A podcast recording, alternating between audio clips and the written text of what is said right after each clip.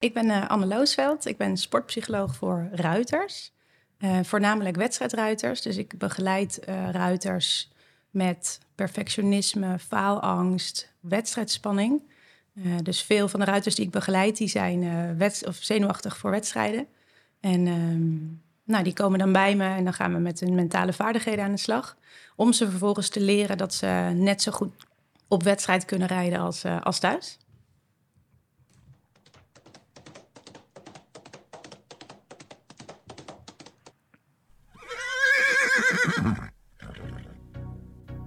Podcast De Tweede Hoefslag. Leuk dat je kijkt of luistert naar weer een nieuwe aflevering van onze podcastserie De Tweede Hoefslag. En vandaag zijn we midden in Amsterdam bij Anne Loosveld op kantoor. Uh, Anne, ben je een beetje zenuwachtig voor deze podcast? Een klein beetje. Altijd een klein beetje gezonde zenuwen. Kijk. Wel heel erg leuk dat je er bent. Ja, dankjewel. Leuk dat we hier mogen zijn. Um, inderdaad, midden in Amsterdam. Hier werk jij iedere dag?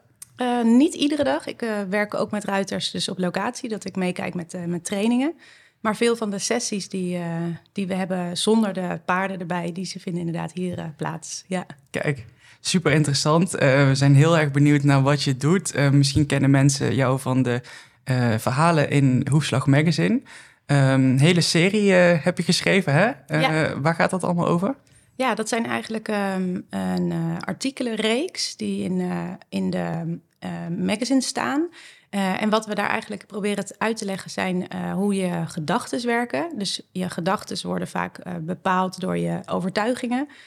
en hoe belangrijk eigenlijk de gedachten zijn bij het rijden. Heel veel ruiters die zijn zich daar nog helemaal niet echt van bewust.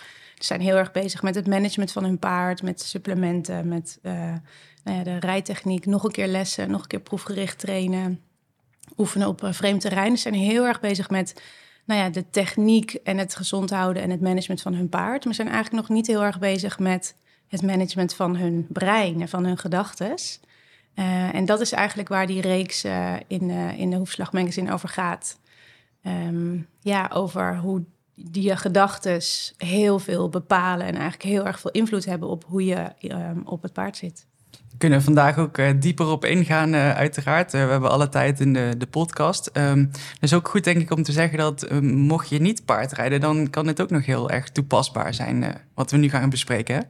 Ja, zeker. En dat zeg ik ook heel vaak tegen ruiters die bij mij komen. Van, ja, je zit één uurtje per dag. Nou, hè, voor de meeste ruiters, met sommigen die professioneel rijden, rijden natuurlijk wat meer. Maar ja, veel ruiters die rijden dan één uur per dag. En dan zou dat dan het enige uur zijn dat je kan oefenen met mindset. Uh, maar je gedachten, ja, die zijn de hele dag bij je eigenlijk. Dus je kunt ook de hele dag daarmee bezig zijn en de hele dag oefenen met belemmerende overtuigingen. Daar gaan we denk ik zo meteen nog wel uitgebreid uh, over hebben.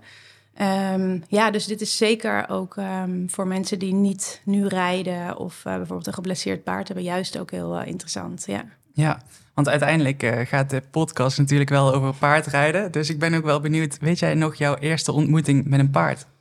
Nou ja, mijn, mijn allereerste ontmoeting weet ik eigenlijk niet meer. Want ik vermoed dat dat ergens op een kinderboerderij of zo was, dat ik wel echt heel jong was. Uh, maar wat ik wel nog goed kan herinneren, waren echt mijn allereerste ja, rijlessen op de manege. Volgens mij was ik bijna zes. En toen mocht ik uh, inderdaad op, nou ja, op de manege gaan, gaan lessen. Um, en ik weet nog dat ik het heel eng vond. Dus zij wilde mij steeds op. Ik denk dat dat nu achteraf dat het gewoon een hele brave, ja, zo'n zo'n klein A of B ponnetje was. Maar zelfs die vond ik dan eigenlijk al te groot. En dan wilde ik heel graag op die Zetlander, die waarschijnlijk veel brutaler en, uh, en, en eigenwijzer was. Uh, maar ja, ik vond het wel altijd al heel spannend. Dat weet ik van, uh, van de eerste jaren wel echt nog. Ik was echt dat meisje die ja, die, die net naar de toilet moest als we gingen galopperen, weet je wel. Dus dan stond iedereen zo op het midden en dan mocht je zo rondje voor rondje galopperen. En dan moest Anne moest dan net even naar de toilet. Heel toevallig. Heel toevallig, ja. Dus misschien is daar wel eh, de basis gelegd voor het werk wat ik nu doe. Dat ja. ik uh, het gewoon ook zelf uh, wel heb ervaren hoe het is om, om echt zenuwachtig te kunnen zijn voor het rijden, ja. Want rij je nog steeds? Ja, zeker. Ja, ik moet wel zeggen, die zenuwen die zijn wel echt ja, zijn ze weg? Ja, eigenlijk zijn ze wel weg. Ja, ook uh, de wedstrijdspanning, dat, uh, daar heb ik eigenlijk helemaal geen last meer van. Um, in ieder geval niet, uh, niet in het zadel. Um, wat ik wel, ja, dus ik, ik rij een paard voor, voor een eigenaar. Um, geen eigen paard nu, wel altijd gehad. in mijn vorige bedrijf heb ik heel veel in het buitenland gezeten. Dus toen paard verkocht en veel les gegeven, veel clinics gegeven. Ook in de paarden in het buitenland. En dat is ook waar ik uh, het mentale stukje, waar dat voor mij is begonnen. Ik heb twee jaar in Mexico op een dressuurstal gewerkt als ruiter en, uh, en trainer. En ik was daar en zelf heel erg zenuwachtig, omdat er veel paarden... Um, nou, hè, dat land heeft niet heel erg veel um, Europese dressuurruiters. Dus toen ze hoorden dat daar een Nederlandse meid uh, was... toen bracht iedereen massaal zijn paarden. Terwijl het was helemaal niet dat ik nou heel denderend kon rijden, maar... toch wel heel veel paarden en hengsten en ehm, nou ja, uh, gewoon goede paarden die, uh, die die kant op kwamen. En toen merkte ik wel van, oh ja, er wordt nu wel echt een, wat van me verwacht. Er ligt wel echt een druk op mijn schouders om, uh, om nu ook goed te presteren. sommige paarden vond ik ook toen wel spannend en die moesten dan mee en nou, waren niet altijd even braaf. Dus ja, dat was ook wel echt een tijd dat ik wel zag van, oh wacht, er is ook nog een heel mentaal spelletje, behalve gewoon goed leren rijden. Want dat is natuurlijk wel echt de basis. Um, maar toen zag ik, en ik, ik begon het zelf een beetje te ontdekken. En ik zag het ook bij de ruiters die ik ook les gaf en begeleide daar. Dat we met z'n allen op wedstrijd gingen. En dat, nou, ik denk dat driekwart van de ruiters, we waren dan met een grote groep, groot concours. Reden gewoon op, op wedstrijd gewoon een stuk minder goed dan thuis. En toen dacht ik wel van, hmm, wat gebeurt hier eigenlijk? Wat, uh, ja, wat, wat is dit? En dan zeggen ze, paard uh, rijdt op de training heel goed, maar in de wedstrijd niet. Ja, dat hoor je dan natuurlijk inderdaad als eerste. Totdat je dan een paar keer uh, wedstrijd achter elkaar hebt. En dan wel ziet van, oh ja, dit is wel echt een patroon. Of uh, één ruiter met meerdere paarden die het dan allemaal uh, minder goed presteren op wedstrijd. En ik merkte het zelf ook hoor. Dus is helemaal niet wijzen naar, naar de ander. Ik, ik, ik zag zelf ook een, een patroon van nou ja, de dagen voor de wedstrijd gewoon iets minder fijn rijden. Uh, toch wel door spanning laatste puntjes op de i willen krijgen, die er dan niet. Weet je, dat je dan toch merkt van hé, hey, daar zit wel wat spanning en het moet nu lukken. En dus die druk juist minder goed helpt om je paard fijn te krijgen. Um, ja, en ik twijfelde in die tijd ook heel erg of ik. Ik had bedrijfseconomie gestudeerd uh, voordat ik naar Mexico ging. Dus toen dacht ik van oké, okay, ik sta wel echt op een kruispunt nu in mijn leven van ga ik uh, terug het bedrijfsleven in. Want was terug... je nog niet heel jong toen? Ik was toen uh, 25, mm -hmm. zoiets. Ja, 4, 25. Ja, inderdaad, terug naar Amsterdam, terug naar de Zuidas en echt een hele serieuze carrière beginnen. En ik voelde daar eigenlijk al niet zo heel erg veel voor. En ik wilde wel heel graag iets in de paarden doen, maar ik had dus daar twee jaar als ruiter en instructeur gewerkt. En ik merkte wel van ja, dat was niet wat ik mijn hele leven wilde doen. Uh, maar iets daaromheen, dat was wel wat ik, uh, wat ik heel erg graag uh, zou willen toen. En toen ben ik sportpsychologie gaan studeren. Toen dacht ik, hé, hey, wacht eens, dat is hoe ik nou, een stukje psychologie en het ondernemerschap en het, de paardensport kan combineren. Ja, en die drie dingen vind ik wel echt uh, dat ik daar een droombaan uh, heb nu. Ja, ja snap ik. Ja. Snap ik. Want um, deze podcast zitten natuurlijk wat stellingen in. Uh, ja, ja, je wist het, hè? je dacht eromheen te kunnen praten, maar nee, nee. Helaas. Nee, dus ik heb er eentje voor je bedacht. Um, en die heeft hier natuurlijk heel erg mee te maken. Zelfrijden of ruiters coachen? Oeh, nee, ruiters coachen wel. Ja, ja ik moet wel zeggen, uh, ik heb een heel fijn paard wat ik nu weer rijd. En ik, ik heb er echt ontzettend veel plezier, uh, plezier in. En ik geniet er heel erg van. Ik ben nou echt fanatiek en aan het lessen en aan het doen. Um, maar als ik echt zou moeten kiezen, ja, dan zou ik wel het coachen. Ja, dat, dat is toch wel waar, waar ik wel echt de meeste voldoening uit haal. Dus voor mij is het rijden nu ook echt weer hobby. Dus dat voelt wel heel anders dan hoe het toen was. Dus nu uh, kom ik ook echt als een soort van nou, ik kom gewoon voor mezelf naar stal, zonder dat er druk op ligt, zonder dat er iets moet of uh, dat iemand iets van me wil. Uh, voor mij is dus het rijden nu ook echt weer ontspanning, waar het, hè, terwijl het vroeger, uh, of een aantal jaar geleden, wel echt ook werk was. en het coachen van ruiters is natuurlijk wel werk, maar het is wel iets wat ik heel graag doe. Ja. Want kun je eens heel simpel uitleggen wat jij precies doet in die coaching? Oeh. Want het is natuurlijk niet dat je zegt van hoe, hoe het rijden verbeterd moet worden, denk ik, of, of ook. Nee, zeker niet. Um, ik probeer me daar zelf ook echt um, uh, niet, niet in te mengen. Uh, ik ben natuurlijk wel instructeur en uh, ja, dus, maar ik, ik, in de coaching sessies hou ik me ook echt bij het mentale stuk. Um, en ja, in het kort wat we eigenlijk doen is dat we eerst heel goed in kaart brengen van oké, wat gebeurt er nou eigenlijk? Dus het kan bijvoorbeeld een ruiter zijn die heel erg angstig is na een val. nou, dat dat bekijk je eigenlijk al anders dan iemand die bijvoorbeeld uh, heel erg zenuwachtig is. Eh, omdat ze observatiewedstrijden wil, eh, wil gaan starten om misschien wel een EK-plek te bemachtigen. Ehm, dus eerst ga je heel erg kijken van oké, wat, wat is je doel? Waar wil je naartoe? En wat zit er in de weg? En heel vaak zitten daar gedachten in de weg. Dus heel vaak zitten daar gedachten als ik kan het niet, ik ben niet goed genoeg, ehm, het moet sneller. Of bijvoorbeeld een paard wat verkocht moet worden van het moet nu, het moet vandaag lukken. Ja, dat zijn geen gedachten die je helpen als je in het zadel zit. Nee, maar um, Anne, sportpsycholoog is een eng woord hè? Dat, uh, dat, ik hoef dat niet. Ik, ik rijd toch prima en uh, ik denk dat ik het allemaal wel onder controle heb. Ja, ja ik ben heel blij uh, dat het nou de afgelopen tien jaar denk ik wel echt um, gegroeid is. Dat het veel normaler is. Dat er ook uh, grotere ruiters, uh, grotere namen er ook voor uitkomen dat ze met een sportpsycholoog of een mental coach bijvoorbeeld werken. Nou, um, eigenlijk het feit dat je zegt ervoor uitkomen. Ja, klopt. Ja, ja, scherp. Nee, absoluut. Um, er, er is ook wel echt een soort van taboe in de zin ja. van ik heb dat niet nodig of het is zwak als je dat zou doen. Van, ja. pff, maar dat kan je toch wel, dat heb je toch niet nodig. Je hup rijden. en ik Hoe denk zou ook, dat kunnen komen? Nou, ik denk dat de paardensport best... Um, het is best een harde wereld. Mhm. Mm -hmm. er is heel veel concurrentie, denk ik. Ik denk dat er veel goede ruiters zijn. Goede paarden ook. Um, en, en een hele nuchtere wereld. Dus hè, dit is natuurlijk even heel uh, gegeneraliseerd, maar het is heel nuchter. Hè, heel veel. Um, ja, de paardensport van nu is natuurlijk eigenlijk, waren eigenlijk vroeger gewoon de boeren. Dus het is gewoon een heel nuchtere ja. uh, ja, soort mensen, denk ik. En ik denk dat zij gewoon uh, ja, eigenlijk denken, nou, pff, dat is allemaal ingewikkeld. Uh, je, je, moet gewoon rijden en uh, doe, niet zo, doe niet zo overdreven of hoezo onzeker. Je, mm -hmm. weet je, ga gewoon aan de slag. en voor een gedeelte werkt dat ook. Voor, voor heel veel ruiters werkt dat ook zo. Die zijn ook zelf heel nuchter. Die zeggen, nou, ik maak me er niet druk om. Ik doe gewoon mijn best en meer kan ik niet doen. En dan halen ze hun schouders op.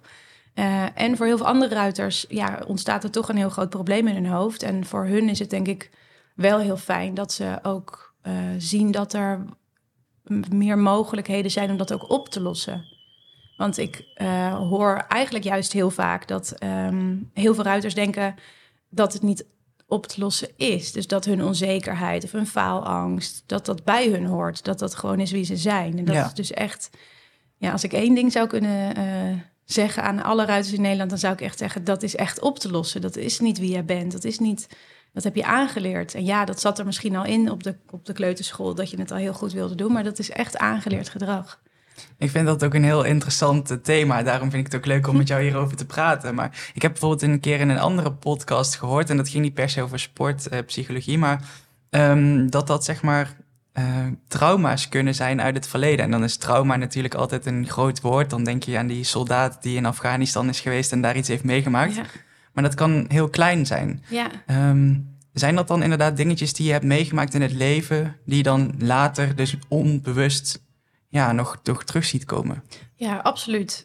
Um, ik zeg wel eens, je hebt uh, trauma met een grote T en met een kleine T. Jij knikt, want dat heb je misschien ook wel gehoord. Ja. ja. Uh, inderdaad, hè, dus die grote trauma's, dat zijn dan uh, de auto-ongelukken en hele heftige dingen. Maar heel veel mensen hebben ook in hun jeugd heel veel hele kleine dingetjes meegemaakt die je helemaal niet echt als een trauma zou, uh, zou omschrijven, waarschijnlijk zelf. Uh, maar dan kan je bijvoorbeeld denken aan um, nou, dat een kind van een jaar of vijf thuis komt van de kleuterschool of uh, basisschool. En dat je dan, hè, dan, dan, dat dat kind dan met de tekening staat te wapperen. En de moeder staat na een lange werkdag, boodschappen gedaan, helemaal uh, afgepeigerd uh, in de keuken. En dat kind wappert daar met die tekening en die zegt: Mama, mama, kijk, ik heb een tekening gemaakt. En die moeder, moe, even geen zin. Dus die zegt: Ja, hartstikke mooi, lieverd, uh, leuk, goed gedaan. Kijkt niet echt op of om. En dat kind gaat dan eigenlijk in dat kleine breintje, zonder dat dat heel bewust gaat, be beseft zich dan van: Hé, hey, mama vond mijn tekening niet mooi, ik moet de volgende keer een betere tekening maken. Mm -hmm. en zo begint dat eigenlijk al heel jong, dus echt, echt heel jong. Um, waar kinderen uh, dus in die hele jonge jaren overtuigingen vormen van de wereld. Um, maar dat kan bijvoorbeeld ook zijn als je bijvoorbeeld twee ouders hebt die allebei een hele ambitieuze baan hebben. Um, en dus het voorbeeld geven dat het goed doen belangrijk is. Dus hard werken is belangrijk. behulpzaam zijn is belangrijk. Aardig zijn is belangrijk. Meedoen met de maatschappij is belangrijk. Dus allemaal Dus, en een kind leert heel erg van het voorbeeld van zijn ouders. Niet zozeer wat een, wat een vader of een moeder zegt. Of een verzorger trouwens, of een opvoeder. Ehm, maar meer van hoe die ouders zelf het voorbeeld dat zij geven. Ja, Ehm, en daar ja, krijgt een kind eh, soms toch wel wat, eh, ja, wat, wat, wat tikken mee, eh, figuurlijk. En ehm, ja, daar begint het wel inderdaad. Dus die, die hele kleine traumaatjes, een kleine opmerking van... oh, wel goed je best doen, hè? Of ehm, oh, nou, je kan wel echt beter. Of, of dat er bijvoorbeeld op je rapport staat van... eh, eh, hij gooit er met de pet naar, weet je wel? Of zo'n zo'n klein dromerig eh, jochie. Ja, hij gooit er met de pet naar. Ja, dat zijn wel opmerkingen die bij een kind eh, best aan kunnen komen. Zo van, ja, zie je, ik kan dit niet. En Ja. dan wordt dat groter en groter. En op het moment dat zo'n overtuiging in dat brein begint, zeg maar... dat dat een beginnetje heeft gemaakt... gaat een brein bewijs zoeken voor, dat, voor die overtuiging. Ehm, ja, en bewijs vind je namelijk altijd. Dus je kunt altijd ergens een fout of iets wat niet lekker loopt... of iemand die ontevreden is. Ja, en dan eh, vindt dat brein dat dus bewijs voor... ja, zie je wel, ik kan het niet. Of zie je wel, ik ben niet goed genoeg. Ja, en dan wordt het groter en groter. ja. Ja, want we zijn hier natuurlijk niet om mensen dingen aan te praten, maar eh, dat gaat dus inderdaad verder dan dat je denkt van, ja, inderdaad, mijn ouders waren gewoon, die zijn niet vroeg gescheiden of eh, zijn niet vroeg overleden. Eh, ik had gewoon een normaal gezin, maar Ja. dat kan dus echt in kleinere dingen zitten. Ja, juist in hele kleine dingen. En ik denk dat het ook heel belangrijk is om ook te zeggen dat ja, ouders die doen altijd wat ze kunnen. Ehm, en ja, ook het ouderschap kun je niet perfect doen. Dus ja, die moeder die moe is aan het eind van de dag, ja, dat begrijpt iedereen. Mhm. Eh, en dat kun je niet per se tegengaan. En ik denk eigenlijk wel eens van ja, dat, dat hoort een beetje bij het leven. Dat je gevormd wordt door het gezin en je ouders doen hun best. En je kan inderdaad uit een heel leuk, warm, stabiel gezin komen. En toch een aantal eh, belemmerende overtuigingen hebben gevormd over jezelf. Sterker nog, ik denk dat het eigenlijk logischer is om dat wel te hebben dan niet. Want dat is ook een beetje hoe het brein werkt. Heel erg vanuit ehm, gevaar denken. En dus het is eigenlijk veel veiliger. En het, doel van een brein is overleven. Dus het is eigenlijk veel veiliger voor het brein om eh, te denken van... oeh, dit kan een mogelijk gevaar zijn. Oeh, ik moet de volgende keer een betere tekening. Oh, ik moet nog beter mijn best doen. Dat is veiliger voor de overleving dan te denken... oh, hè, mama is moe, zal wel prima, hè, dat, zal wel meevallen. Eh, want ja, de kans dat er dan iets misgaat is veel groter. Dus je brein heeft ook heel erg, ze noemen dat de negativity bias... Dus is ook heel erg geneigd om veel het negatieve groter te maken, omdat dat misschien een iets groots kan voor, voorkomen. Mhm. Ja, want ehm, ik merk ook vaak ook in deze podcast, eh spreek veel ruiters, zeker in de topsport, die zijn heel perfectionistisch. Ehm, zonder dat goed of fout te noemen. Is dat een eigenschap die je ook nodig hebt om de topsport of om ver te komen in de sport? Ja, ik heb daar wel een heftige mening over, denk ik. Ik denk dat perfectionisme, ehm, dat dat je juist belemmert om ver te komen. En heel veel mensen denken vaak dat perfectionisme iets positiefs is. Eh, en veel ruit, dressuurruiters, het is natuurlijk heel goed dat je ja, punctueel bent en dat je je proeven netjes kan afwerken. Dus in dat opzicht is dat heel eh, handig en een hele goede eigenschap. Maar ik zie perfectionisme wel meer als angst. Dus eigenlijk is perfectionisme, ik doe alles maar heel erg goed, want dan kan niemand iets van mij vinden. Er kan niemand zeggen, oeh, dat heb je daar niet zo goed gedaan, of oeh, dat had je beter kunnen doen. Dus hè, perfectionisme is eigenlijk angst om niet goed genoeg te zijn. En vanuit perfectionisme ontstaat bijvoorbeeld ook heel vaak eh, uitstelgedrag. Ja, ik ga nog maar niet op wedstrijd, want het is nog niet goed. Terwijl je kunt al lang op wedstrijd, want je moet ook oefenen en kilometers maken en proeven leren rijden en ontdekken hoe je je paard moet losrijden op wedstrijd. En ja, als je dan thuis blijft perfectioneren, perfectioneren, perfectioneren, totdat je denkt dat het echt perfect is, ja, dan is de kans dat het op wedstrijd goed gaat natuurlijk niet zo heel groot, want je hebt nog helemaal niet geoefend in de ring, nog helemaal niet geoefend op wedstrijd. En je hebt ook nog eens een enorm hoge lat, want ja, je wil dat het zo goed gaat als het thuis, dat het dan ook op wedstrijd zo goed gaat. Dus perfectionisme, eh, ik denk dat je het zo snel mogelijk moet loslaten. Daar gaan we zo op eh, Ja. verder hoe je dat dan moet doen. Mag ik daar nog één ding over Ja, zeggen? ja, tuurlijk. Ik zie perfectionisme eh, ook eigenlijk wel als een, eh, een race die je loopt, waarbij de finish steeds wordt verplaatst. Mhm. Dus iedere keer dan denk je, oh ja, als ik nou dit nog even doe, dan, dan is het zo meteen echt wel goed. En dan ben je daar en dan ontdek je weer iets anders wat weer beter moet. Dus het is ook een heel, ja, ik vind het eigenlijk wel een heel pijnlijk, treurig leven, omdat je nooit echt tevreden kan zijn. Eh, en het dus iedere keer als je denkt dat je bij de finish bent, dat je echt bijna perfect bent, ja, dan wordt die finish weer een stukje verplaatst. Want dan ontdek je weer wat. Dus het is ook, ja, het staat ook heel erg het plezier in de weg, denk ik. Ik denk dat dat wel goed is om, uh, om daar anders naar te kijken. En dat perfectionisme niet per se iets goeds is. Nee. nee, want daarop inhakend wilde ik dus zeggen van nou, wat je net verteld hebt van over de jeugd en dat soort dingen. Uh, mensen zullen misschien nu luisteren en denken van ja, maar dat is wie ik ben. Ik ben zo. Ja. Is dat ook zo? Um, nou, deels natuurlijk wel, want uh, je bent eigenlijk wat je denkt. Dus als jij denkt, mm, ik kan het niet zo goed, ja, dan kan je het vaak ook niet goed, want je uh, gaat dingen uit de weg, je oefent vaak niet. Je begint misschien ergens aan en hè, het eerste moment, is stel je, je gaat een uh, nieuwe oefening meepakken. Nou, je begint met die oefening en je voelt dan meteen, oh, dit wordt helemaal niks, paard valt helemaal uit elkaar, komt tegen de hand en denk je, nou, laat maar, dit kan ik helemaal niet. Dus ja, wat is dan het resultaat? Dat je het niet meteen weer gaat proberen. Dat je niet vol enthousiasme denkt: Oh, dit ging niet goed. Oké, wat kan ik beter doen? Dat ga je niet doen. Want je denkt: Ja, zie je, ik kan het helemaal niet. Dus dit wordt niks. Um, dus dan stel je het uit en de volgende rit, dan, dan doe je een beetje basiswerk. Want dan denk je: Nou ja, dit, nee, het voelt nog niet goed. Dus ik doe het nog maar niet. Ja, dus in die end duurt het ook langer voordat je oefeningen leert. Omdat je ze niet gaat oefenen en dat het mhm. uit de weg gaat. Um, ja, en dan terug naar jouw vraag: van, ja, is dat dan wie je bent? Ja, op dat moment is dat wel wie je bent. Dat is wel als je hè, naar je acties kijkt, uh, ja, dan kan je het ook inderdaad niet. Um, dus je gedachten zijn wel tijdelijk wie jij bent. Op het moment dat je dus gaat kijken van oké, deze gedachte, dus stel we de gedachte pakken, um, nou, dit lukt mij niet. Die hebben heel veel ruiters die bij mij komen. Um, als je naar die gedachten kijkt en je zit met die gedachte op je paard, nou, dan krijg je al spanning, dan krijg je al demotivatie, dan word je al sneller gefrustreerd als iets niet lukt. Um, je wordt soms boos, nou, je ademhaling zit hoog, je schouders zijn strak, je kan niet meer lekker zitten. Dus het lukt ook daadwerkelijk niet daarmee. Dus als je dan gaat kijken naar, hé, hey, oké, deze gedachte die zorgt dus voor dit gevoel. Wat zou er nou gebeuren als ik een andere gedachte ga denken? En um, nou, stel dat je dan een gedachte gaat denken als ik ben dit aan het leren. Nou, dan voel je ineens al een soort van beetje ontspanning ontstaan ook in je lichaam. En denkt van, hé, hey, oké, ik ben het aan het leren. Nou, rustig aan, stapje voor stapje. Het mag misgaan, het hoeft niet perfect. Hoort erbij. Hoort erbij.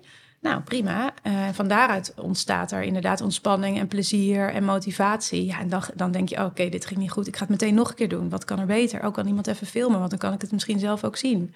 Dus dan krijg je eigenlijk een heel ander gevoel op je paard, waardoor je het ook kan. Dus dan ben je het ook aan het leren. Dus dan wordt dat ook de waarheid mhm. eigenlijk. Dan wordt dat je realiteit. Um, en als je dan kijkt naar um, die gedachten, dat zijn eigenlijk neurale verbindingen in je brein. Oh, moeilijk woord. Oh, ja. Zal ik nog een keer zeggen? ja, neurale verbindingen. Ja, neurale verbindingen. Dus dat zijn, nou, daar zal ik niet te veel op ingaan, dat is een heel technisch verhaal. Maar Um, ja, dat zijn eigenlijk verbindingen in, verbindingen in je brein die uh, bepaalde gedachten in een bepaalde situatie zeg maar afvuren. Dus die gaan heel vaak heel, heel snel en heel automatisch, zonder dat je er echt bewust van bent. En ik noem dat wel eens uh, de snelweg. Dus je kunt eigenlijk, nou, dan stel je zo'n een A2 voor met heel vijf banen, goede verlichting, super recht, goed asfalt. Nou, daar kan je gewoon super snel van de ene kant naar de andere kant overheen. En dat is ook wat je brein doet met, um, met je gedachten. Die wil eigenlijk alles zo, zo automatisch mogelijk maken.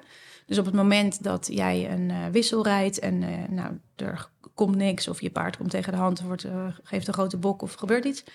Nou, dan heeft jouw brein meteen op dat moment, ja, zie je wel, kan het niet. Zie je wel, dit wordt niks. Begin je al een beetje, dus de, die, dat brein gaat eigenlijk over die snelweg, zo naar de andere kant, en dan heb je die gedachte gedacht. En een nieuwe gedachte gaan denken, dat is dus een heel ja, nieuw iets, want je brein heeft daar nog geen neurale verbindingen. Je brein kan het letterlijk nog niet. Dus voor heel veel ruiters in het begin zeggen ze ook: Ja, Anne, dit voelt, dit voelt zo nep. Ik, ik kan deze gedachte echt niet geloven. Ik kan hier, ja, dit, dit, kan ik, dit is toch niet waar? Um, en wat je dan uiteindelijk uh, wil, is dat je een nieuw junglepaadje gaat aanleggen. Dus dat wordt dan je nieuwe gedachte, je helpende gedachte. Um, en ja, dat is een heel oncomfortabel pad, want daar is nog, daar is nog geen, uh, geen pad. Je moet uh, over uh, boomstammen, je moet, ja, je moet daar nog helemaal je weg in vinden. En dat voelt heel oncomfortabel in het begin. Heeft tijd nodig. Ja, dat heeft tijd nodig en heeft veel oefening nodig. Um, dus ook gewoon, daar kan je heel veel verschillende oefeningetjes ook voor doen op verschillende momenten. Um, en eigenlijk wil je dat al oefenen buiten het moeilijke moment. Dus stel dat je inderdaad weer die wissel eh, rijdt, dat je de diagonaal opgaat en dat je dan al eigenlijk op de splitsing staat van hey, gaat mijn brein de snelweg over? Ga ik die negatieve gedachten denken van nee, dit kan ik niet, dit lukt niet?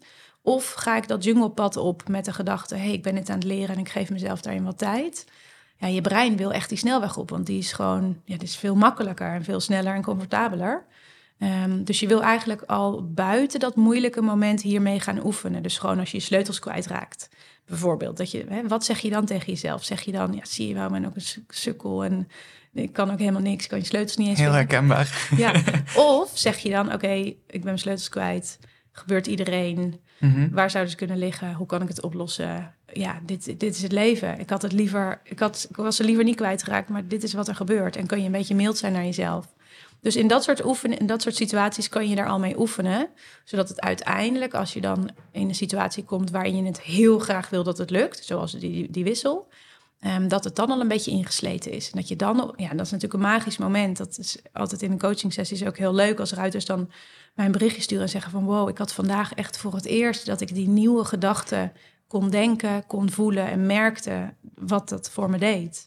Ja, dat voelt altijd een beetje als, eh, als magie. Als Ja. dat begint te komen, ja. Ja, dat post je ook wel eens op je Instagram, toch? Als, als, als je de terugkoppeling krijgt. Ja, ja, dat zijn altijd hele bijzondere berichtjes. En ik vind dat ook, eh, ik post ze ook juist omdat het ook eh, hoopvol vindt voor ehm, andere ruiters. Dat je echt ziet van, hé, hey, maar ja, als zij dit kan, ja, waarom zou ik dat dan niet kunnen leren? Iedereen kan het leren. Mhm. Ja. Want ehm, die, die snelweg waar je het over had, hè, is dat dan dat stemmetje in je hoofd? Wat, Eh, wat ja. ook wel eens wordt eh, gezegd natuurlijk. Ja, Want dat is niet echt een stemmetje, hè? Het is niet dat je zeg maar helemaal gek bent geworden en dat er iemand tegen je praat, toch? Nee, eh, nee, nee, nee, zeker niet. Nee, dat, ja, je hebt daar heel veel verschillende namen voor. Ehm, maar de ene noemt het inderdaad een stemmetje. Ehm, de ander noemt het een denkstem. Maar het is inderdaad wel... ehm, ja, je, je kunt dat wel zien als, als twee delen eigenlijk. Want wij kunnen naar die stem luisteren, toch? Ja, nou ja, hoe bedoel je luisteren?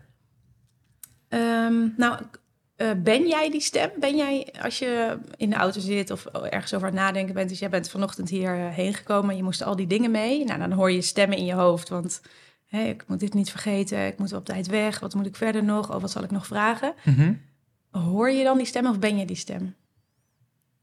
Nee, ja, ik denk dat ik hem ben, maar uiteindelijk zie ik het, maar dat, correct me if I'm wrong, als een stukje onzekerheid. Ehm, Die zeg maar tegen je praat en dan voor de mensen die kijken of luisteren, zeg maar, ik steek nu twee vingers in de lucht. ja, Ehm, dat, dat het een stukje onzekerheid is van, doe ik dit wel goed? Check, check, check. Eh, ja, maar er is ook een stuk in jou die naar die stem kan luisteren. Dus er zijn eigenlijk twee, mhm. toch? Ja, als je het zo bekijkt. Ja, dus eigenlijk zijn er, je hebt een soort van wie jij eigenlijk echt bent. En dan is er die stem. Dus je kan ook gaan luisteren naar die stem. Je kan ook denken van, huh, oh, nu zegt hij dat ik een sukkel ben, dat ik het niet kan. Oh, dat is interessant. Oh, wat onaardig eigenlijk dat die stem dat denkt. In plaats van dat je dus die stem ja, letterlijk bent, dat je tegen jezelf zegt, ik ben een sukkel en ik kan het niet. Ja, ja, precies. Mhm. Dus wat ik heel vaak, wat heel belangrijk is, is dat je het los gaat koppelen. Ehm, en dat je dus gaat zien dat het maar gedachten zijn. Mhm. Dit ben jij niet. Ehm, het zijn maar gedachten. En dan zijn het inderdaad heel vaak negatieve gedachten. Want hè, het gevaar maken we groot. Dus hè, iets, dat je iets vergeet of dat je iets eh, nou, je verspreekt... of dat ik zo meteen iets heel eh, stom zeg, dat is allemaal een heel groot risico. Dus daar worden we zenuwachtig voor, daar worden we dus onzeker van.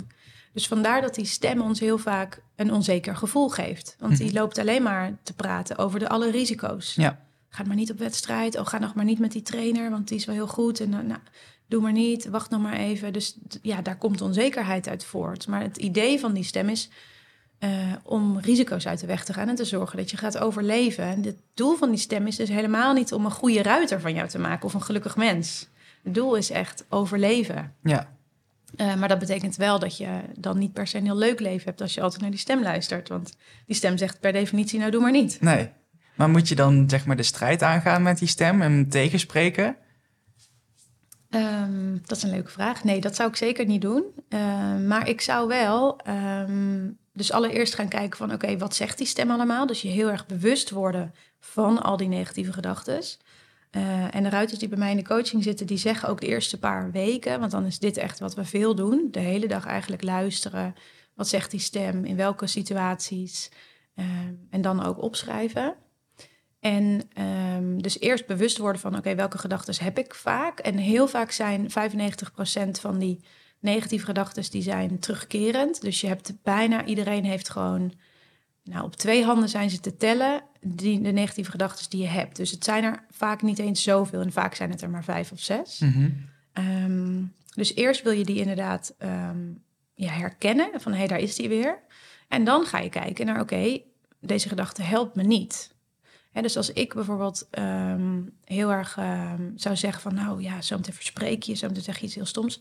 Als ik naar die stem zou luisteren, dan zou, ik hier nu niet hebben gezeten. Want dan had ik gedacht, nou, dat moeten we zeker niet doen. Uh, Anne in die podcast, nou, laat maar zitten. Ja, of die wedstrijd, die zeg ik wel liever af. Precies, ik ga zeker niet op wedstrijd. Dus dan doe je heel veel dingen niet. Dus die stem die helpt, terwijl het wel je droom kan zijn. voor mij, ik vind het heel leuk om hier in deze podcast te zitten. En iemand anders kan het heel leuk vinden om op wedstrijd te gaan... omdat het wel een grote droom is. En als je dus naar die stem zou luisteren, dan behaal je, dan kom je daar nooit, want dan, dan ga je het nooit doen. Um, dus wat je dan eigenlijk wil, is dat je gaat kijken van... hé, hey, oké, die stem die belemmert me. Dus we noemen die, die negatieve gedachten ook vaak belemmerende gedachten. Mm Wat ook precies het doel is. Hè? Dus het doel van die stem is ook om jou te belemmeren... om iets ja, potentieels gevaarlijks te gaan doen. Ja. Um, dus wat je dan eigenlijk wil doen, is dan gaan kijken van... Hey, welke gedachten kunnen me nou helpen om wel in die podcast of om wel op wedstrijd te gaan of wel een sollicitatiegesprek aan te gaan of ja, wel uh, iets, iets te doen wat je misschien spannend vindt, uh, maar wat wel eigenlijk ook iets is wat je heel graag wil. En is dat dan bijvoorbeeld handig om dat gewoon op papier te schrijven voor jezelf of zo?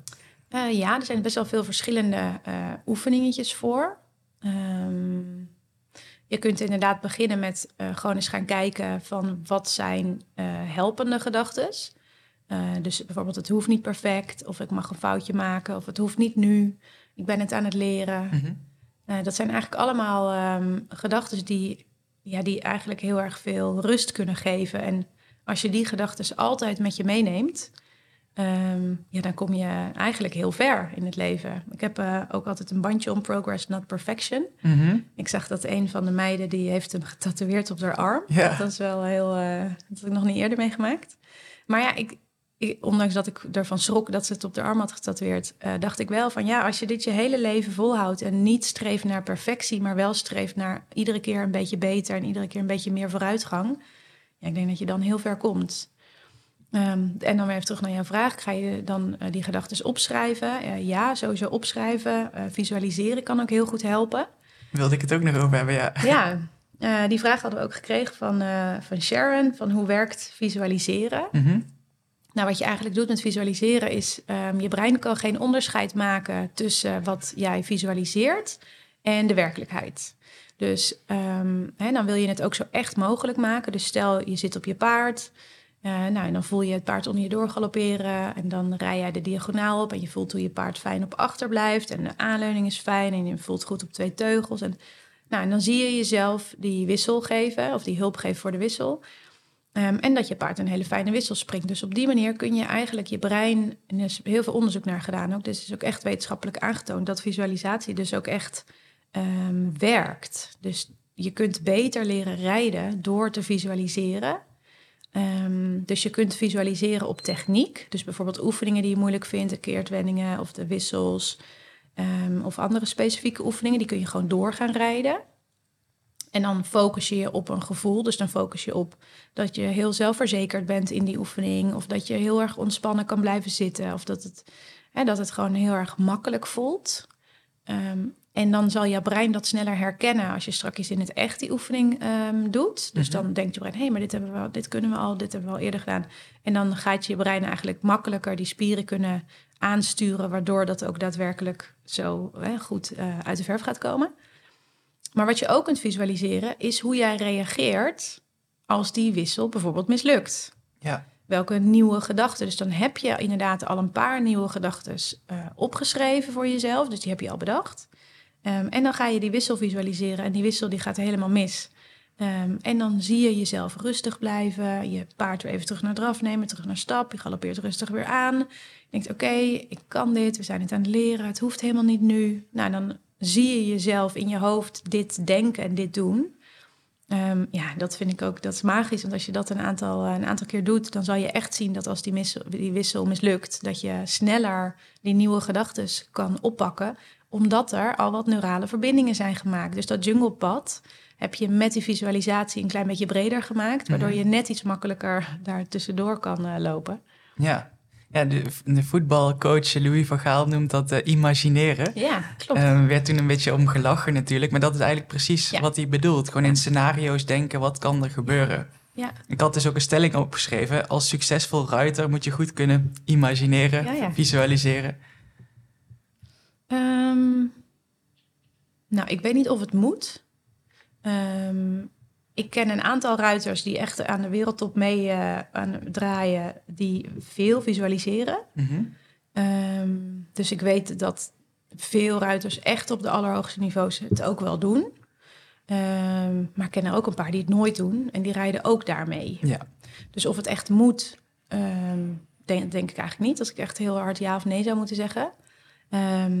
Maar ik weet wel dat de laag daaronder en eigenlijk iedereen eh, die in het rijden iets wil verbeteren, en ik denk dat dat heel veel ruiters zijn, er heel veel ehm, baat bij kunnen hebben. En ja, we, we doen het nooit. Het is helemaal niet iets wat we, eh, wat we leren, waar je, hè, dat je instructeur tegen je zegt van, hey, ga die oefening eens visualiseren. Nou, dat hoor ik zelden. Er zijn natuurlijk wel een aantal die dat inmiddels wel eh zeggen, maar ja, nog niet eh, dat dat heel erg standaard is. Maar het is misschien ook wel veel breder toepasbaar dan alleen in die proef inderdaad. Misschien ook als je een sollicitatiegesprek hebt of, of naar je schoonfamilie voor de eerste keer moet, ik noem maar wat. eh, Zeker. Ja, wat, je, wat er eigenlijk gebeurt als je visualiseert, is dat je brein ehm, op het moment dat je dan in het echt die situatie meemaakt, denkt: hé, hey, maar dit hebben we al gedaan, dit kennen we al. Dus er zijn al neurale verbindingen, dus je zult veel makkelijker terugvallen eh, op dat gedrag wat je bedacht had. Is, is heel gek dat ik dit nu bedenk, maar ehm, ik droom soms ook wel eens zo. Dat er situaties zich voordoen die zouden kunnen gaan gebeuren, die vrij rea- realistisch zijn, die zouden kunnen gaan gebeuren. Uiteindelijk denk ik dan van, oh, mijn brein wil me misschien voorbereiden op een bepaalde situatie of zo. Oh ja. ja, dat zou wel kunnen. Ik weet eigenlijk heel weinig van dromen, dus ik durf daar niet zoveel over te zeggen. Nee, dat hoeft ook niet. Maar dat zat ik te Ja, denken van... dat je er inderdaad, dan ben je daar zo mee bezig... van hoe zou ik dan reageren als die situatie zich voordoet. Ja, Dat je eigenlijk Ja. misschien een beetje bang bent voor zo'n situatie of zo. ja. En dat je daar dan wel over wordt gedwongen om na te denken. Ja. Ja, veel mensen gaan ook bijvoorbeeld visualiseren voordat ze gaan slapen. Of in bed voordat ze echt in slaap vallen zelfs. Oh ja, van wat moet ik morgen gaan doen? Hoe gaat dat? ja, eh, maar dan dus met een echt focus op dat fijne gevoel. Focus op dat het allemaal gewoon lukt. Dat je Mm. Oh ja. ontspannen blijft. Dat je plezier hebt. Eh, en dan daarmee in slaap vallen. Ja, dat schijnt wel, eh, wel heel effectief te zijn, ja. Ja. Ehm, je had volgens mij nog een vraag gekregen van iemand... eh, die te maken had met het vorige onderwerp, of niet? Ja, klopt. Eigenlijk eh, waren dat er twee. Ehm, de ene was ehm, perfectionisme eh, en hoe je van dat stemmetje af kan komen. Dus dat is inderdaad waar we het net ook al een beetje over hadden. Mhm. Dus als we daar even de korte samenvatting van geven, dan zou ik inderdaad eerst zeggen: eh, wat zegt dat stemmetje? Ga eens echt onderzoeken. Wat, hè, schrijf ze op. Wat zijn jouw, nou, de top 10 van je negatieve gedachten die veel eh, in je leven terugkomen? Dan ga je kijken. ehm, wat is dan een helpende gedachte? Welke gedachte zou ik dan liever willen denken in deze eh, situaties?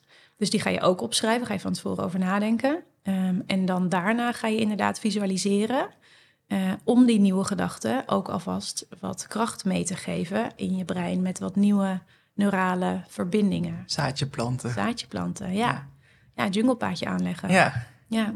ja. Dat is eigenlijk het, eh, het, korte, ja, het korte stappenplan. Kijk, in de praktijk is dit natuurlijk een stuk moeilijker. Ja, het is Ehm, niet zo van ik doe dat zaterdagochtend eventjes en dan zondag eh, ben ik overal vanaf. Nee, zeker niet. Nee, helaas. En ik kan me voorstellen, ik hoor ook vaak dat ruiters zeggen van ja, maar ik ben hier al zo lang mee bezig. En ik denk ook heel vaak van nou, doe nou niet zo onzeker. Of nou, morgen ga ik, morgen ga ik me echt niet zo aanstellen. Of morgen doe ik het gewoon. Ja, en dan is het morgen en dan zijn ze net zo onzeker. En dan voelen ze zich net zo rot. Dus tegen jezelf zeggen van nou, hup, eh, doe het nou gewoon. Ja, dat werkt eigenlijk niet zo goed. Dus ja, er zitten heel veel technieken achter die je eigenlijk wel een beetje moet weten en moet kennen. Mhm. En oefeningetjes om dat brein echt die neurale paadjes aan te laten leggen. Ja, Ja, want als je bijvoorbeeld die negatieve gedachte hebt, dat kan inderdaad van alles zijn. Laten we hem heel simpel houden van ik kan dit niet. Als je dan gaat denken ik kan het wel, ja.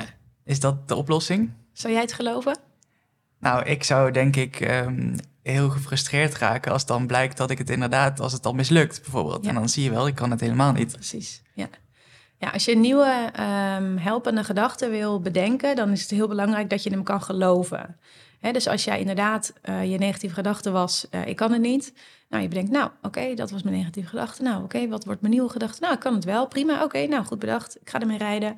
Eh, je rijdt de diagonaal op wissel, helemaal mis. Eh, en jij denkt, ja, maar ik kan het wel. Ja, dan denkt je brein echt, ja, doei. Nee, moet je kijken, je kan nog steeds niet. Dus dan valt je brein eigenlijk weer heel erg weer terug in, het, in je oude negatieve gedachten. Ehm, en zo werkt het dus ook niet. Dus dit zijn dan ook mensen die dan zeggen... ja, maar ja, die helpende gedachten, die werken helemaal niet. Nee, precies. Nee, klopt. Op die manier werken ze ook niet. Eh ze zijn ze ook niet bedoeld. Dus je wil eigenlijk altijd zoeken naar helpende gedachten... die, ehm, die je kan geloven. Dus ga niet helemaal van ik kan het niet, helemaal 180 graden naar kan het wel. Maar ga dus inderdaad kijken naar ehm, welke gedachten kan je daar nog tussen zetten. Eh, die je wel kan geloven. Die een klein stapje positiever zijn, maar nog niet helemaal naar eh, ik kan het wel. Ja, dus uiteindelijk is het een veel ehm, diepere laag die je eigenlijk moet raken om iets verder te kunnen komen. Ja, en zeker ook omdat heel veel van deze gedachten zitten ook in het onderbewuste. Mhm. zijn heel erg onbewust. Ehm, dus ik- ja, ik zeg ook wel vaak van we moeten eigenlijk eerst een soort van ze liggen eigenlijk onder een laag met ijs en je moet eerst een soort van heel hard bikken in dat ijs om daar een gat in te krijgen om te zien welke gedachten daar eigenlijk onder liggen. Wat denk je eigenlijk inderdaad als je die AC-lijn oprijdt? Of wat denk je als je eh, aan het losrijden bent op wedstrijd en er staan heel veel mensen naar je te kijken? Of de jury loopt langs. Wat zijn je gedachten op die momenten? Dus eh, en heel vaak hoor je ze niet. Heel vaak zijn ze heel oppervlakkig. Ze gaan heel snel zo door je brein heen en dan zijn ze weer weg. Ehm, dus ja, ik zou altijd zeggen van inderdaad eerst echt goed gaan kijken van wat, wat, wat denk ik nou de hele dag door? Wat zegt die stem? Ja, want ehm, de mensen die je helpt, eh, waar hebben die zeg maar het, het meeste last van? Is dat dan, eh, want we hebben bijvoorbeeld perfectionisme genoemd, maar er zijn misschien nog wel meer dingen waar je last van kan hebben. N- Kun je eens een paar dingen noemen? Ja, ehm, ik denk dat heel veel van die dingen een beetje hetzelfde zijn. Je hebt bijvoorbeeld ook faalangst eh, of prestatiedrang. Ehm, en, maar eigenlijk komt dat allemaal een beetje op hetzelfde neer. Dus perfectionisme, hè, dat, dat bekijkt het heel erg vanuit... ja, ik wil wel gewoon helemaal dat het perfect is. Ehm, eh, en anders dan wil ik het niet of dan doe ik het niet. Wat trouwens heel grappig is, is dat mensen die perfectionistisch zijn... heel vaak eh, zeggen dat ze dat niet zijn omdat ze vinden dat het nog niet perfect is. Ah, ja. Snap je? Ja. Dus ze denken heel vaak dat als je perfectionistisch bent, dat je dan ook al bijna perfect bent. En wat natuurlijk helemaal niet waar is, want dat kan helemaal niet. Niemand kan perfect zijn. Ehm, maar goed, dus dat is perfectionisme. Ehm, en dan faalangst is dus heel erg de angst dat je het niet goed doet, dat je het niet kan. Ehm, en prestatiedrang is dan eigenlijk ook weer hetzelfde van... ik wil het goed doen, ik wil dat het lukt, het moet lukken, het moet goed gaan. Wat ook dan bijna nooit lukt. Ehm, en, maar heel vaak komen ruiters eh, met een gevoel. Dus, eh, want dat voel je namelijk wel. Die gedachten, die heb je heel vaak niet door. Ehm, maar dat gevoel wel. Dus je voelt dan eh, frustratie. Of ruiters komen bij me die zeggen van ja, ik wil eigenlijk niet meer op wedstrijd. Ik sta op het punt om te stoppen, want ik vind het helemaal niet meer leuk. Ben zo misselijk ochtends en ik, ik, wil, ik word er helemaal akelig van als ik, eh, als ik wedstrijd heb. En de week daarvoor dan ben ik al helemaal niet meer te genieten. En ik snauw tegen de kinderen en tegen mijn partner. En eh, nou, ik stop ermee. Ja, dat voelen ze wel heel erg. Mhm. Of oh, ik ben zo onzeker en ik, oh, ik, ik wil echt niet meer. Als ik dan aan het losrijden ben en het lukt niet, dan ben ik echt in staat om gewoon af te stappen en mijn paard weer terug op de trailer te zetten en naar huis te gaan. Ja, dus dat zijn de emoties voelen mensen heel vaak wel. Maar wat er dan onder ligt, ehm, ze komen bijna nooit met ik heb negatieve gedachten, kan je me helpen? Nee, nee. Ja. Maar die, die komen, dus, want daar begonnen we eigenlijk de podcast mee, van die komen ergens vandaan, toch? Ja.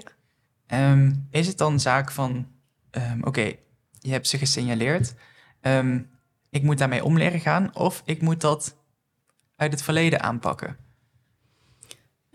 Allebei? Nou, dat ligt natuurlijk een beetje aan wat er is gebeurd in het verleden. Mhm. Ja, want ik kan me ook voorstellen dat je dat misschien niet meer weet. Dat je dat misschien niet meer kan terughalen. Nee, eh, dat is ook waar. Ehm, kijk, in de sportpsychologie eh, zeggen we wel eens dat we beginnen op nul. Dus mensen die op nul staan en naar tien willen.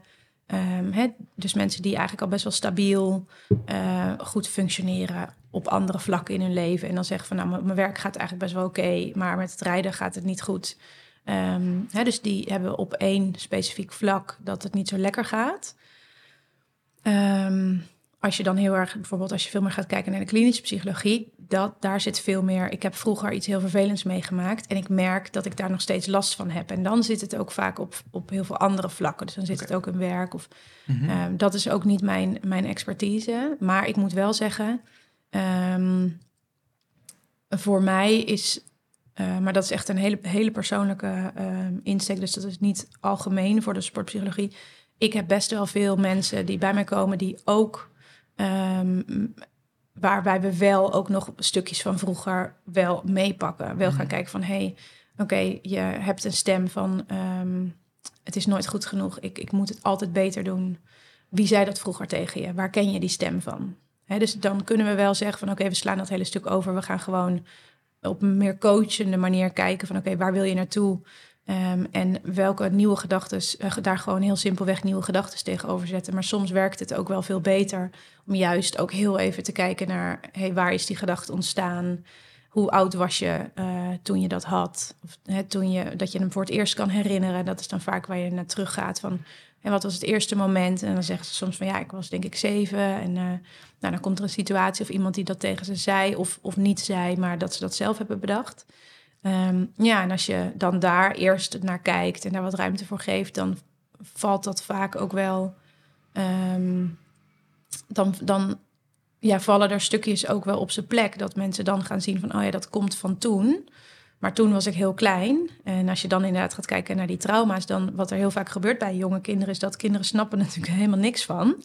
Maken eigenlijk best wel heel erg veel mee, maar ze begrijpen nergens iets van. Mhm. En die kleintjes die voelen wel ook emoties, maar ze snappen het niet. Dus ze, ze weten helemaal niet wat het betekent. Ze weten niet wat boosheid is. Ze weten niet wat verdriet is. Ze snappen daar niks van. Ehm, dus als er iets gebeurt en kinderen voelen heel veel. want We denken heel vaak van, nou, dat hebben ze niet door. Nou, think again. Want kinderen hebben echt alles door in, in energie, in wat ze voelen. Ze snappen niet wat er gebeurt. Ehm, maar op het moment dus dat die, die kleine T-traumaatjes... ehm, dat die kinderen daar wel... ehm, dus op het moment dat je daar naar terug kan gaan... eh, ja, dan kan je daar ook veel oplossen. Het is echt wel best wel breed wat jij allemaal doet met, eh, met de mensen die je begeleidt. Ja, zeker. En mijn interesse ligt ehm, los van het werken met sporters en met ruiters, wedstrijdruiters, ook wel stiekem een heel klein beetje in dit stuk. Ehm, en dat, daarin ga ik zelf, denk ik, inderdaad iets breder dan eh, de echte strikte sportpsychologie. Ehm, Bedoel je dan uit het verleden dat? ja, Ja. ja. dus eh, kijk, soms dan hè, in een intakegesprek, als ik, ehm, ja, dan kijk ik natuurlijk ook altijd van, oké, wat is er, hè, wat is precies de hulpvraag en eh, hoort dat bij mij of verwijs ik door? Dus Mhm. ik verwijs ook wel regelmatig door, dat ik denk van, nee, dat is, hè, dit, dit is beter als iemand anders eh, daar ehm, je daarbij eh, begeleidt. Ehm, maar je, ik, je kunt er bijna niet omheen, want bijna iedereen heeft kleine T-traumaatjes. Dus dan zou ik iedereen door moeten sturen. Iedereen heeft een rugzakje. Ja, En, eh, en dat is niet erg. Dat is ook helemaal geen big deal. En daar hoef je ook helemaal niet bang voor te zijn. Ehm, maar ik vind dat wel eh, zelf ook interessant om daar ook ehm, naar terug te kijken. En wat, wat er interessant is, dat wilde ik eigenlijk net zeggen, maar toen was ik een beetje mijn verhaal kwijt. Ehm, is dat we eigenlijk, dat, dat die kleintjes, die snappen dus niet helemaal wat er toen gebeurde. Maar nu zijn we volwassen en nu snappen we het wel. Maar we zijn heel vaak dat we blijven hangen in die hele eh, kinderlijke stem. Van ah, ik kan het niet of dit wordt niks. Eigenlijk is dat geen volwassen stem. Snap je wat ik bedoel? Mhm. En dat is eigenlijk een hele kinderlijke stem. Ehm, dus op het moment dat je in het nu als volwassene kan kijken naar... oh, dat was gewoon dat kind van zes, daar op die manege die dat zo eng vond... die nu in mij aan het brullen is. Oh ja, maar ik ben nu volwassen en ik ben eigenlijk veilig. En als ik om me heen kijk, denk ik... ja, de wereld is eigenlijk niet meer zo, zo gevaarlijk voor mij nu. Ehm, Ja, en dan kan je dus dat kindstuk meenemen in het nu. En dan zie je dus dat heel veel van die negatieve stemmen eigenlijk gewoon de stemmen zijn van toen je zes was of zeven of acht. Ja. Is dat, ehm, want ik weet niet of je daar toevallig een vraag over had gekregen, maar is dat ook wat dan terugkomt in dat mensen heel veel waarde hechten aan de mening van anderen? Wat zullen anderen wel niet van mij denken of vinden? Ja, ja zeker. Ehm, wat anderen ehm, van je denken, het is ook belangrijk. Vroeger zaten we natuurlijk met, en dan heb ik het echt over miljoenen jaren geleden, met elkaar in een grot. En het was gewoon heel belangrijk dat je bij de groep bleef horen, want in je eentje zou je nooit overleven. Ehm, dus het was echt belangrijk dat je erbij bleef horen. Dus dat zit heel erg in ons. Ja, dat is gewoon onze biologie. Dat we willen dat, we, dat de ander ons goed vindt. Um, maar nu, we worden niet meer uit een grot gegooid. En er gebeurt niet zoveel. Ja, maar wel ontvolgd van Instagram. Ja, wel ontvolgd. Of ja, wel, oh nou, je hebt echt slecht gereden. Terwijl, dus we maken dat heel groot. Alsof dat een heel groot probleem is. Maar dat is dus echt nog dat brein wat in die grot zit. En daarom maakt hij het zo groot je brein nu, als je om je heen kijkt, dan denk je, ja, ik heb slecht gereden. Ja, nou en, wat, wat kan mij het schelen? dus op het moment, en dat kan je vaak niet zo simpel denken. Je rationele brein kan dat wel denken, maar je uh, reptiele brein, dus het, het stuk wat dus nog heel oud is, ja, dat reageert heel vaak heel groot daarop, inderdaad. Ja. En, en hoe kun je daar makkelijk mee omgaan? Ja, misschien een podcast aan zich uh, waard, maar dat is denk ik wel iets waar veel ruiters, maar überhaupt mensen tegenaan lopen. Ja, nou wat ik altijd een hele leuke kleine tip vind. Um, wat je denkt dat een ander denkt, dat denk je zelf. Mm -hmm. oh ja. Herken je hem? Ja, denk het wel. Ja, wat er heel vaak gebeurt is dat we heel vaak denken van... Uh, oh, ik moet wel wat beter mijn best doen, want straks vinden ze me lui. Mm -hmm. Of, uh, uh, oh, ze vinden me vast een prutser. Ja, zij, zij vinden dat helemaal niet, want zij zijn gewoon bezig met een broodje kroket in de kantine, ja. weet je wel. Zij zijn gewoon een weekend gossips aan het bespreken. Um, terwijl jij denkt dat. Jij denkt, ik ben een prutser. En daarom projecteer je dat dan op de ander. Alsof de ander dat over jou vindt. Maar de ander is daar helemaal niet mee bezig. De ander kan ook 8000 andere dingen over jou denken. Oh, die laarzen zijn mooi. Of oh, zij zit zo netjes. Ja. Of... Ja, of als je, als je inderdaad in die kantine staat en je gaat eerder naar huis van, oh, ze vinden me saai. Ja, precies. Ja, inderdaad. Ja, mensen die uh, een keer gapen tijdens een presentatie als je die op je werk geeft ja, hoe interpreteer je dat? Oh, mijn presentatie is echt heel saai. Of kan je gewoon zien van, oh, die persoon die gaapt. Ja, die Punt. ja, die is moe, die heeft slecht geslapen, heeft een slecht huwelijk, heeft ja. ruzie thuis, ja. slapeloze nachten. Ja, dat kan, het kan duizend dingen zijn. Dus kan je het gewoon laten bij, bij de observatie, oh, hij gaapt. Of, oh, ze gaan weg uit de kantine. Punt. Zonder Mhm. dat je daar mening of een oordeel aan hangt. Ja, dat is wel vaak moeilijk. Uh, maar op het moment dat je dus bedenkt van, oh, wat zij, zij denken en niet ik denk het, dan kan je het weer naar jezelf halen en dan kan je er weer een helpende gedachte tegenover zetten. Ik ben een prutser. Nee, ik ben geen prutser. Ik ben het aan het leren. Mhm. Oh, misschien denken zij wel, god, wat is zij het goed aan het leren, zeg. Ja, Dan heb je hem eigenlijk alweer omgedacht. ja. Ik had daar ook nog wel een eh, stelling over, want ik had het eh, gelezen op je website. Ehm, misschien niet per se hierover, maar wel, ik prik door alle smoesjes heen. Ja. Wat wil je daarover weten? Nou, dat is de stelling. Ben je het daarmee eens? Eh, Ja, vaak wel. Ja, ik denk dat ik wel... eh, en uiteindelijk wil ik natuurlijk smoesjes horen. Ehm, ja, wat heel, heel veel ruiters doen, het is wel een leuk onderwerp trouwens, ehm, is dat ze heel erg de boel saboteren. Dus dat ze heel erg zeggen, nee, maar de komende tijd is echt heel erg druk op werk, dus ik ga nu even niet op wedstrijd. Dat kan, als dat, als dat echt zo is, is dat denk ik een hele gezonde, goede keuze om je niet helemaal over de kop te werken. Eh, maar als ik dan een beetje doorvraag en vraag van, oh, je hebt het druk op je werk, oh, vertel eens. Of, oh, is het echt zo? Ja, nou ja, dan eh, is het wel de vraag van... of is het eigenlijk een smoesje? Mhm. Dus zit je iets te bedenken om iets niet te hoeven doen? Ehm, ja, of is, het, of is het echt zo? Wat je zelf natuurlijk in het begin van de podcast zei, van ik moest ineens naar de wc. Ja, dat, precies die, precies die. Ja, we houden onszelf heel vaak voor de gek. Mhm. Ehm, en heel vaak lijkt het ook de waarheid. Wat zei iemand nou laatst? Oh ja, zij zei... ehm, dat was in een workshop. Toen zei ze: Nee, maar ja, ik ga niet op wedstrijd. Want eh, ja, ik, ik, ik, ben, ik heb altijd weekenddiensten. Dus ja, eh, voor mij heeft het echt geen zin om op wedstrijd te gaan en dat te gaan starten. Want ik kan echt maar ja, max één keer in, eh, in zoveel weken een keer. En denk ik, ja, dan ga je toch één keer in de zoveel weken. Ja, wil je, wil je op wedstrijd of wil je niet op wedstrijd? Dus kijk, en als het, als het eerlijke antwoord is... ik wil eigenlijk helemaal niet op wedstrijd. Ik heb er helemaal geen zin in. Ik, je maakt me daar niet gelukkig mee. Dan is dat helemaal prima. Maar als er eigenlijk een verlangen onder zit van... oh, ik wil eigenlijk wel heel graag op wedstrijd... maar ik vind het heel eng. En daarom bedenk ik maar... nee, ik ben veel te druk. Ik kan niet op wedstrijd, want ik heb weekenddiensten. Ja, dat is echt onzin. En waarom doen we dat dan? Omdat we bang zijn. We zijn gewoon eigenlijk allemaal heel bang. We zijn echt bange wezentjes. Onzeker? Ja, ook denk ik. Ja, wat mensen van ons vinden. Maar het komt dus eigenlijk allemaal doordat we negatieve gedachten hebben. En die negatieve gedachten die hebben het doel om ons veilig te houden. Mhm. Dat is eigenlijk het riedeltje wat je eigenlijk altijd een beetje kan herkennen in dingen. Ja, die overlevingsstand. Ja. Ja, ja. En eh, daarbij help jij dan mensen om, eh, om dat een beetje de baas te kunnen zijn dan. Ja, ja en, en dus inderdaad heel eerlijk naar jezelf te zijn van... ehm, ja, ik hoef niet meer te leven met smoesjes. Dus eh, ik wil iets en nou, als je dan zegt... oké, ik zou wel graag op wedstrijd willen... maak het dan kleiner. Ga dan eerst een keer op vreemd terrein. Ga dan daarna een keer een proefgerichte clinic doen. Laat je instructeur thuis een keer je proef filmen... want dan voel je ook al wel meteen de spanning. Dus ga dan oefenen met die spanning... Uh, en ga dan pas op wedstrijd. Ik zie zo vaak ruiters die zeggen: Ja, het gaat helemaal niet goed op wedstrijd. En ik rij uh, maar net aan winst. En ik ben zo gespannen. Terwijl thuis gaat het super. Uh, maar ja, ik moet gewoon kilometers maken, hè, zeggen ze dan. En dan denk je: Kilometers maken? Waarom? Mhm. Want het, het is een mentaal iets wat daar misgaat. Je hebt spanning omdat je heel veel negatieve gedachten hebt over jezelf. Um, en die negatieve gedachten die gaan niet weg met het niveau wat je bereikt. Er zitten internationale Grand Prix-ruiters bij mij in de programma's die hebben nog steeds die negatieve gedachten. Dus ja, hoe hoog moet je komen uh, voordat je dan die negatieve gedachten los zou kunnen laten? Um, dus ja, ik, ik, denk wel dat, uh, dat je dan eerlijk naar jezelf moet, moet kijken. Um, wil ik iets?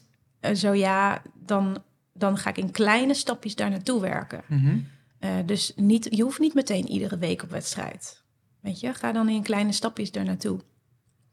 Um, we gaan richting het einde van de podcast, uh, want ik heb het idee dat we hier al nog ja, uren over door kunnen praten. um, maar wat ik nog wel uh, wilde vragen is, um, hoe kun je het beste omgaan met tegenslagen? Is dat,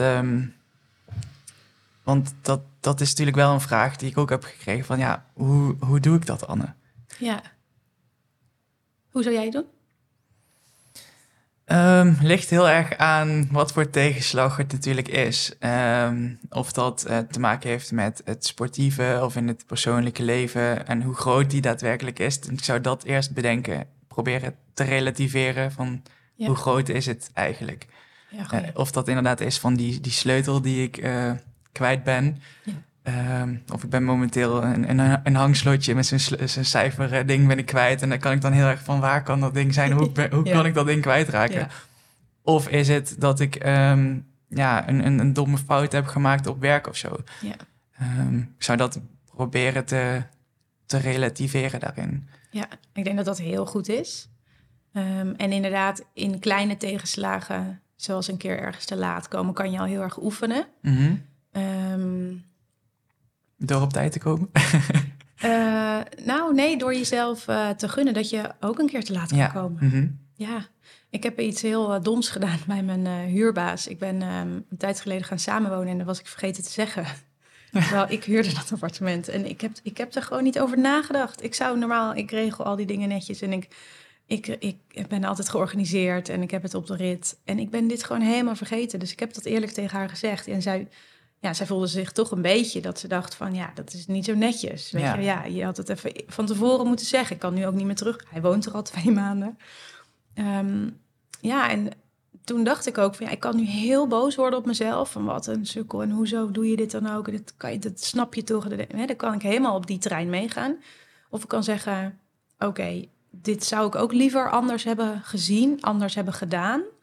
Uh, dat doe ik normaal ook. En ik maak hier een keer een, een, een fout. En dit is niet handig. Mm -hmm. Um, en ik denk dat je, hè, dat kan je ook zeggen, ja, ik hou van op tijd komen en ik kan een keer te laat komen. Dus ik denk dat daar al heel erg veel in zit bij tegenslagen. Um, ik denk wel dat, dat hebben we nog helemaal niet um, gezegd. We hebben het natuurlijk de hele tijd over positieve gedachten.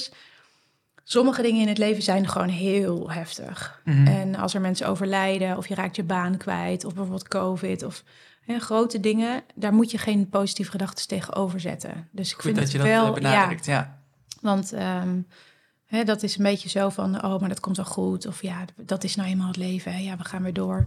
Hè, dat, dat kan wel heel erg helpen. Maar ik denk wel, je moet die, of je moet natuurlijk niks, maar je zou die, die helpende gedachten ehm, kunnen inzetten bij negatieve gedachten over jezelf, die jou belemmeren. Dus daar zou ik ze zeker voor inzetten. Maar ehm, als er iets heftigs gebeurt in je leven, ja, dan mag je echt even balen en heel verdrietig zijn en, en dat voelen juist. Dus daar wil je dan juist niet zomaar een helpende gedachte weer opplakken. Zo van, nou oké, we moeten weer door. Dan, want dat is een beetje wegdrukken. Dus Ja. ik denk dat er wel ook echt een plek moet zijn voor grote emoties en zware, heftige dingen. Dat je dan ook echt wel even daar de tijd voor mag nemen. Ik heb zelf geleerd dat het heel erg helpt om daarover te praten. Ja, Wat ik een zeker. aantal jaar geleden zeker niet deed. Nee, nee, Dat, dat ik dacht van ja, ik ga de anderen daar niet mee lastigvallen en ik los het zelf wel op. ja. Maar en wat heb je niet. gemerkt dan nu als je er wel over gaat praten? Ehm, dat ik het zelf beter kan verwerken en dat het oké is om dat te delen en dat je daardoor ehm, een soort van last kwijt kan raken of zo. Ja. Maar kwijtraken is misschien simpel gezegd, maar alsof die last inderdaad dan een beetje van je schouders valt op dat moment. Kan als opluchting voelen. Ja, als opluchting. Ja, en dat, dat je helemaal niet iemand daarmee lastig valt, want die andere wilde graag voor je zijn. Ja, sterker nog, ik zie juist heel vaak eh, dat mensen het heel fijn vinden om een luisterend oor te zijn als er echt iets aan de hand is. En dat mensen het juist heel prettig vinden als je iets wil delen. Terwijl Ja. je eigenlijk denkt, ja, ik moet het gewoon zelf oplossen. Het gaat ook vaak niet om dat de ander iets voor jou moet oplossen. Het gaat jij gaat het zelf oplossen. Het is jouw verantwoordelijkheid vaak. Hè? Dat Ja. is jouw leven, dus jij, ja, jij bent aan zet. Eh, maar je kan dan best daar inderdaad over, over praten met een ander. En de ander hoeft eigenlijk alleen maar te luisteren. De ander hoeft het niet op te lossen, hoeft het niet over te nemen. De ander hoeft je niet te troosten. Mag, maar hè, de ander hoeft eigenlijk alleen maar te luisteren. Dat is het enige. Alleen maar een beetje knikken en luisteren. Dat is vaak heerlijk. Ja, Voor allebei. en als jij bijvoorbeeld iets met mij deelt, dat ik dan ook jou beter kan begrijpen. Ja, waarom je misschien in een bepaalde mood zit of, of wat dan ook. Ja. Of waarom je bepaalde keuzes maakt. ja, Dat ik denk van, oh ja, maar ik weet wat er speelt of wat er aan de hand is of waar je mee zit. ja. Ja, en ik denk dat dit ook ehm, een beetje terugslaat op het begin van de podcast. Hè? Dat we het hadden over taboe. Ik denk dat dit stuk ook bij nuchtere mensen best een groot taboe is om hierover te praten. En ja, te zeggen wat je bezighoudt of wat je dwars zit of waar je bang voor bent. Hoe vaak hebben we het nou over iets waar we bang voor zijn? Of waar we ons voor schamen? Mhm. Nou, ga, ga er maar aan staan en ga eens met iemand delen waar je je voor schaamt. ja, Dat is dus heel... Schaamte kan ook alleen maar bestaan in het donker. Dus zodra je het uitspreekt, is vaak de schaamte al weg. Dus het is best een leuk eh, experiment. ja, ja, inderdaad. Dan is de cirkel denk ik eh, vrij Ja. eh, rond. Had jij nog dingetjes opgeschreven waarvan je denkt van, oh dat moeten we sowieso nog eventjes vertellen? Eh, want anders kunnen we inderdaad nog uren doorgaan, denk ik. Ehm, als dat niet zo is, dan ehm, hebben we dadelijk ook nog iets leuks voor de, de abonnees van Hoefslag, eh, toch Anne? Want Ja. eh, als je premium bent, dan kun je bij ons op de site inloggen en deze video kijken. Maar dan gaan we nog eventjes verder, hè? even de diepte in. Ja, leuk. Wat gaan we doen? We gaan ehm, kijken hoe je die eh, helpende gedachten concreter kunt omdenken. Want het is vaak best wel moeilijk om dan echt een helpende gedachte te bedenken. Ehm, dus daar gaan we zo meteen samen naar kijken wat dan echt concrete voorbeelden kunnen zijn. Ehm, en hoe je ze kunt gaan inzetten. Over die snelweg? Over die snelweg, ja. Kijk, nou, dan zou ik mensen dus willen doorverwijzen naar onze website. Daar eh, kunnen ze de video helemaal kijken. En dan ehm, gaan wij daarin eh, verder. Ehm, voor de mensen die alleen de audio luisteren, zou ik denken, nou, neem snel even een abonnement. En verder, eh, dank voor het luisteren en eh, voor het kijken. En eh, Anne, bedankt eh, voor het meewerken van deze podcast. Ja, ik vond het heel erg leuk. Dankjewel. Top, thanks. Leuk dat je keek of luisterde naar deze podcast. Vond je hem nou leuk? Abonneer dan op ons podcastkanaal en beluister ook onze andere podcasts. Weet je, op social media, het is zo makkelijk tegenwoordig om alles maar af te zeiken. En, en de ruiters zijn niet goed genoeg, de paarden zijn allemaal stom, juries kunnen er nooit wat van. Het is, weet je, het ligt altijd aan iedereen, zeg maar. En, en een heleboel mensen die kijken niet naar hunzelf. Maar, en, en dat vind ik soms, ja, daar heb ik soms dan moeite mee. Ja, de, de ochtend dat ik moet rijden, dan ben ik echt, eh, dan, dan wil je mij niet tegenkomen. Dan ben ik echt één wrak. Het zegt alleen maar, ik wil naar huis. Waarom doe ik dit? Ik vind het niet leuk. Eigenlijk mijn eerste reactie was nee, dat ga ik echt, echt niet doen. Waarom? Ja, omdat het natuurlijk zo eigenlijk toen dacht ik toen het tegenovergestelde was, hè, Rien en Edward. Het was zelfs zo, als ik naar school ging, al- middelbare school zat ik in Zeist. En dan kwam je op maandagmorgen op een gegeven moment op splitsing. En dan rechts was naar Zeist en links naar Utrecht. Dan ging ik naar Utrecht, naar de paardenmarkt. Dus dan spijbelde ik altijd op maandag tot natuurlijk de leraren begonnen te klagen. En dan zei ik tegen mijn vader en moeder, ik zeg, ja, ik kon er gewoon echt niks aan doen. Want mijn fiets ging gewoon die richting op. En zo voelde het gewoon voor mij. Dus Waarschijnlijk drukt hij me dan gewoon weg. hij heeft je nummer, hè? Dus, eh, Ja, daarom. Zo gauw die eh, mijn nummer ziet, dan is het eh, weg dat ding. ja. Blijf je tot je 65ste doen wat je al 20 jaar gedaan hebt. Want ik zit al 20 jaar in dit bedrijf, bij wijze van spreken. Nou, volgens mij eh, Dit is een ander hoor. willen de honden wat meer aandacht. Snap je wel dat die regel er zeg maar is? Of? Nee, Nee. echt totaal niet. Ik heb een keer met de KNS gebeld. Maar ik denk dat wij als hele paardenwereld wel heel erg op moeten letten dat we de buitenwereld niet laten dicteren wat wij doen. Maar als ik het gevoel heb, dat is het goede dat je dat zegt. Als ik het gevoel heb, nou ben ik hier aangenomen als bondscoach en ik fungeer alleen maar als chef de keeper, mag ze rondrijden naar het hotel en terug en ik of organiseer. Nee, nee, dat is, dat is niet, dat, niks is met te min hoor, maar dat is mijn, dat is mijn ambitie niet. Ik hoop dat ik je zo een beetje heb kunnen laten zien waar ik mee bezig ben en wat ik allemaal doe in het leven. En eh, ik hoop dat je het leuk vond om eh, te luisteren. In ieder geval hartstikke bedankt voor het luisteren en wie weet tot ziens. Bedankt voor het kijken of luisteren.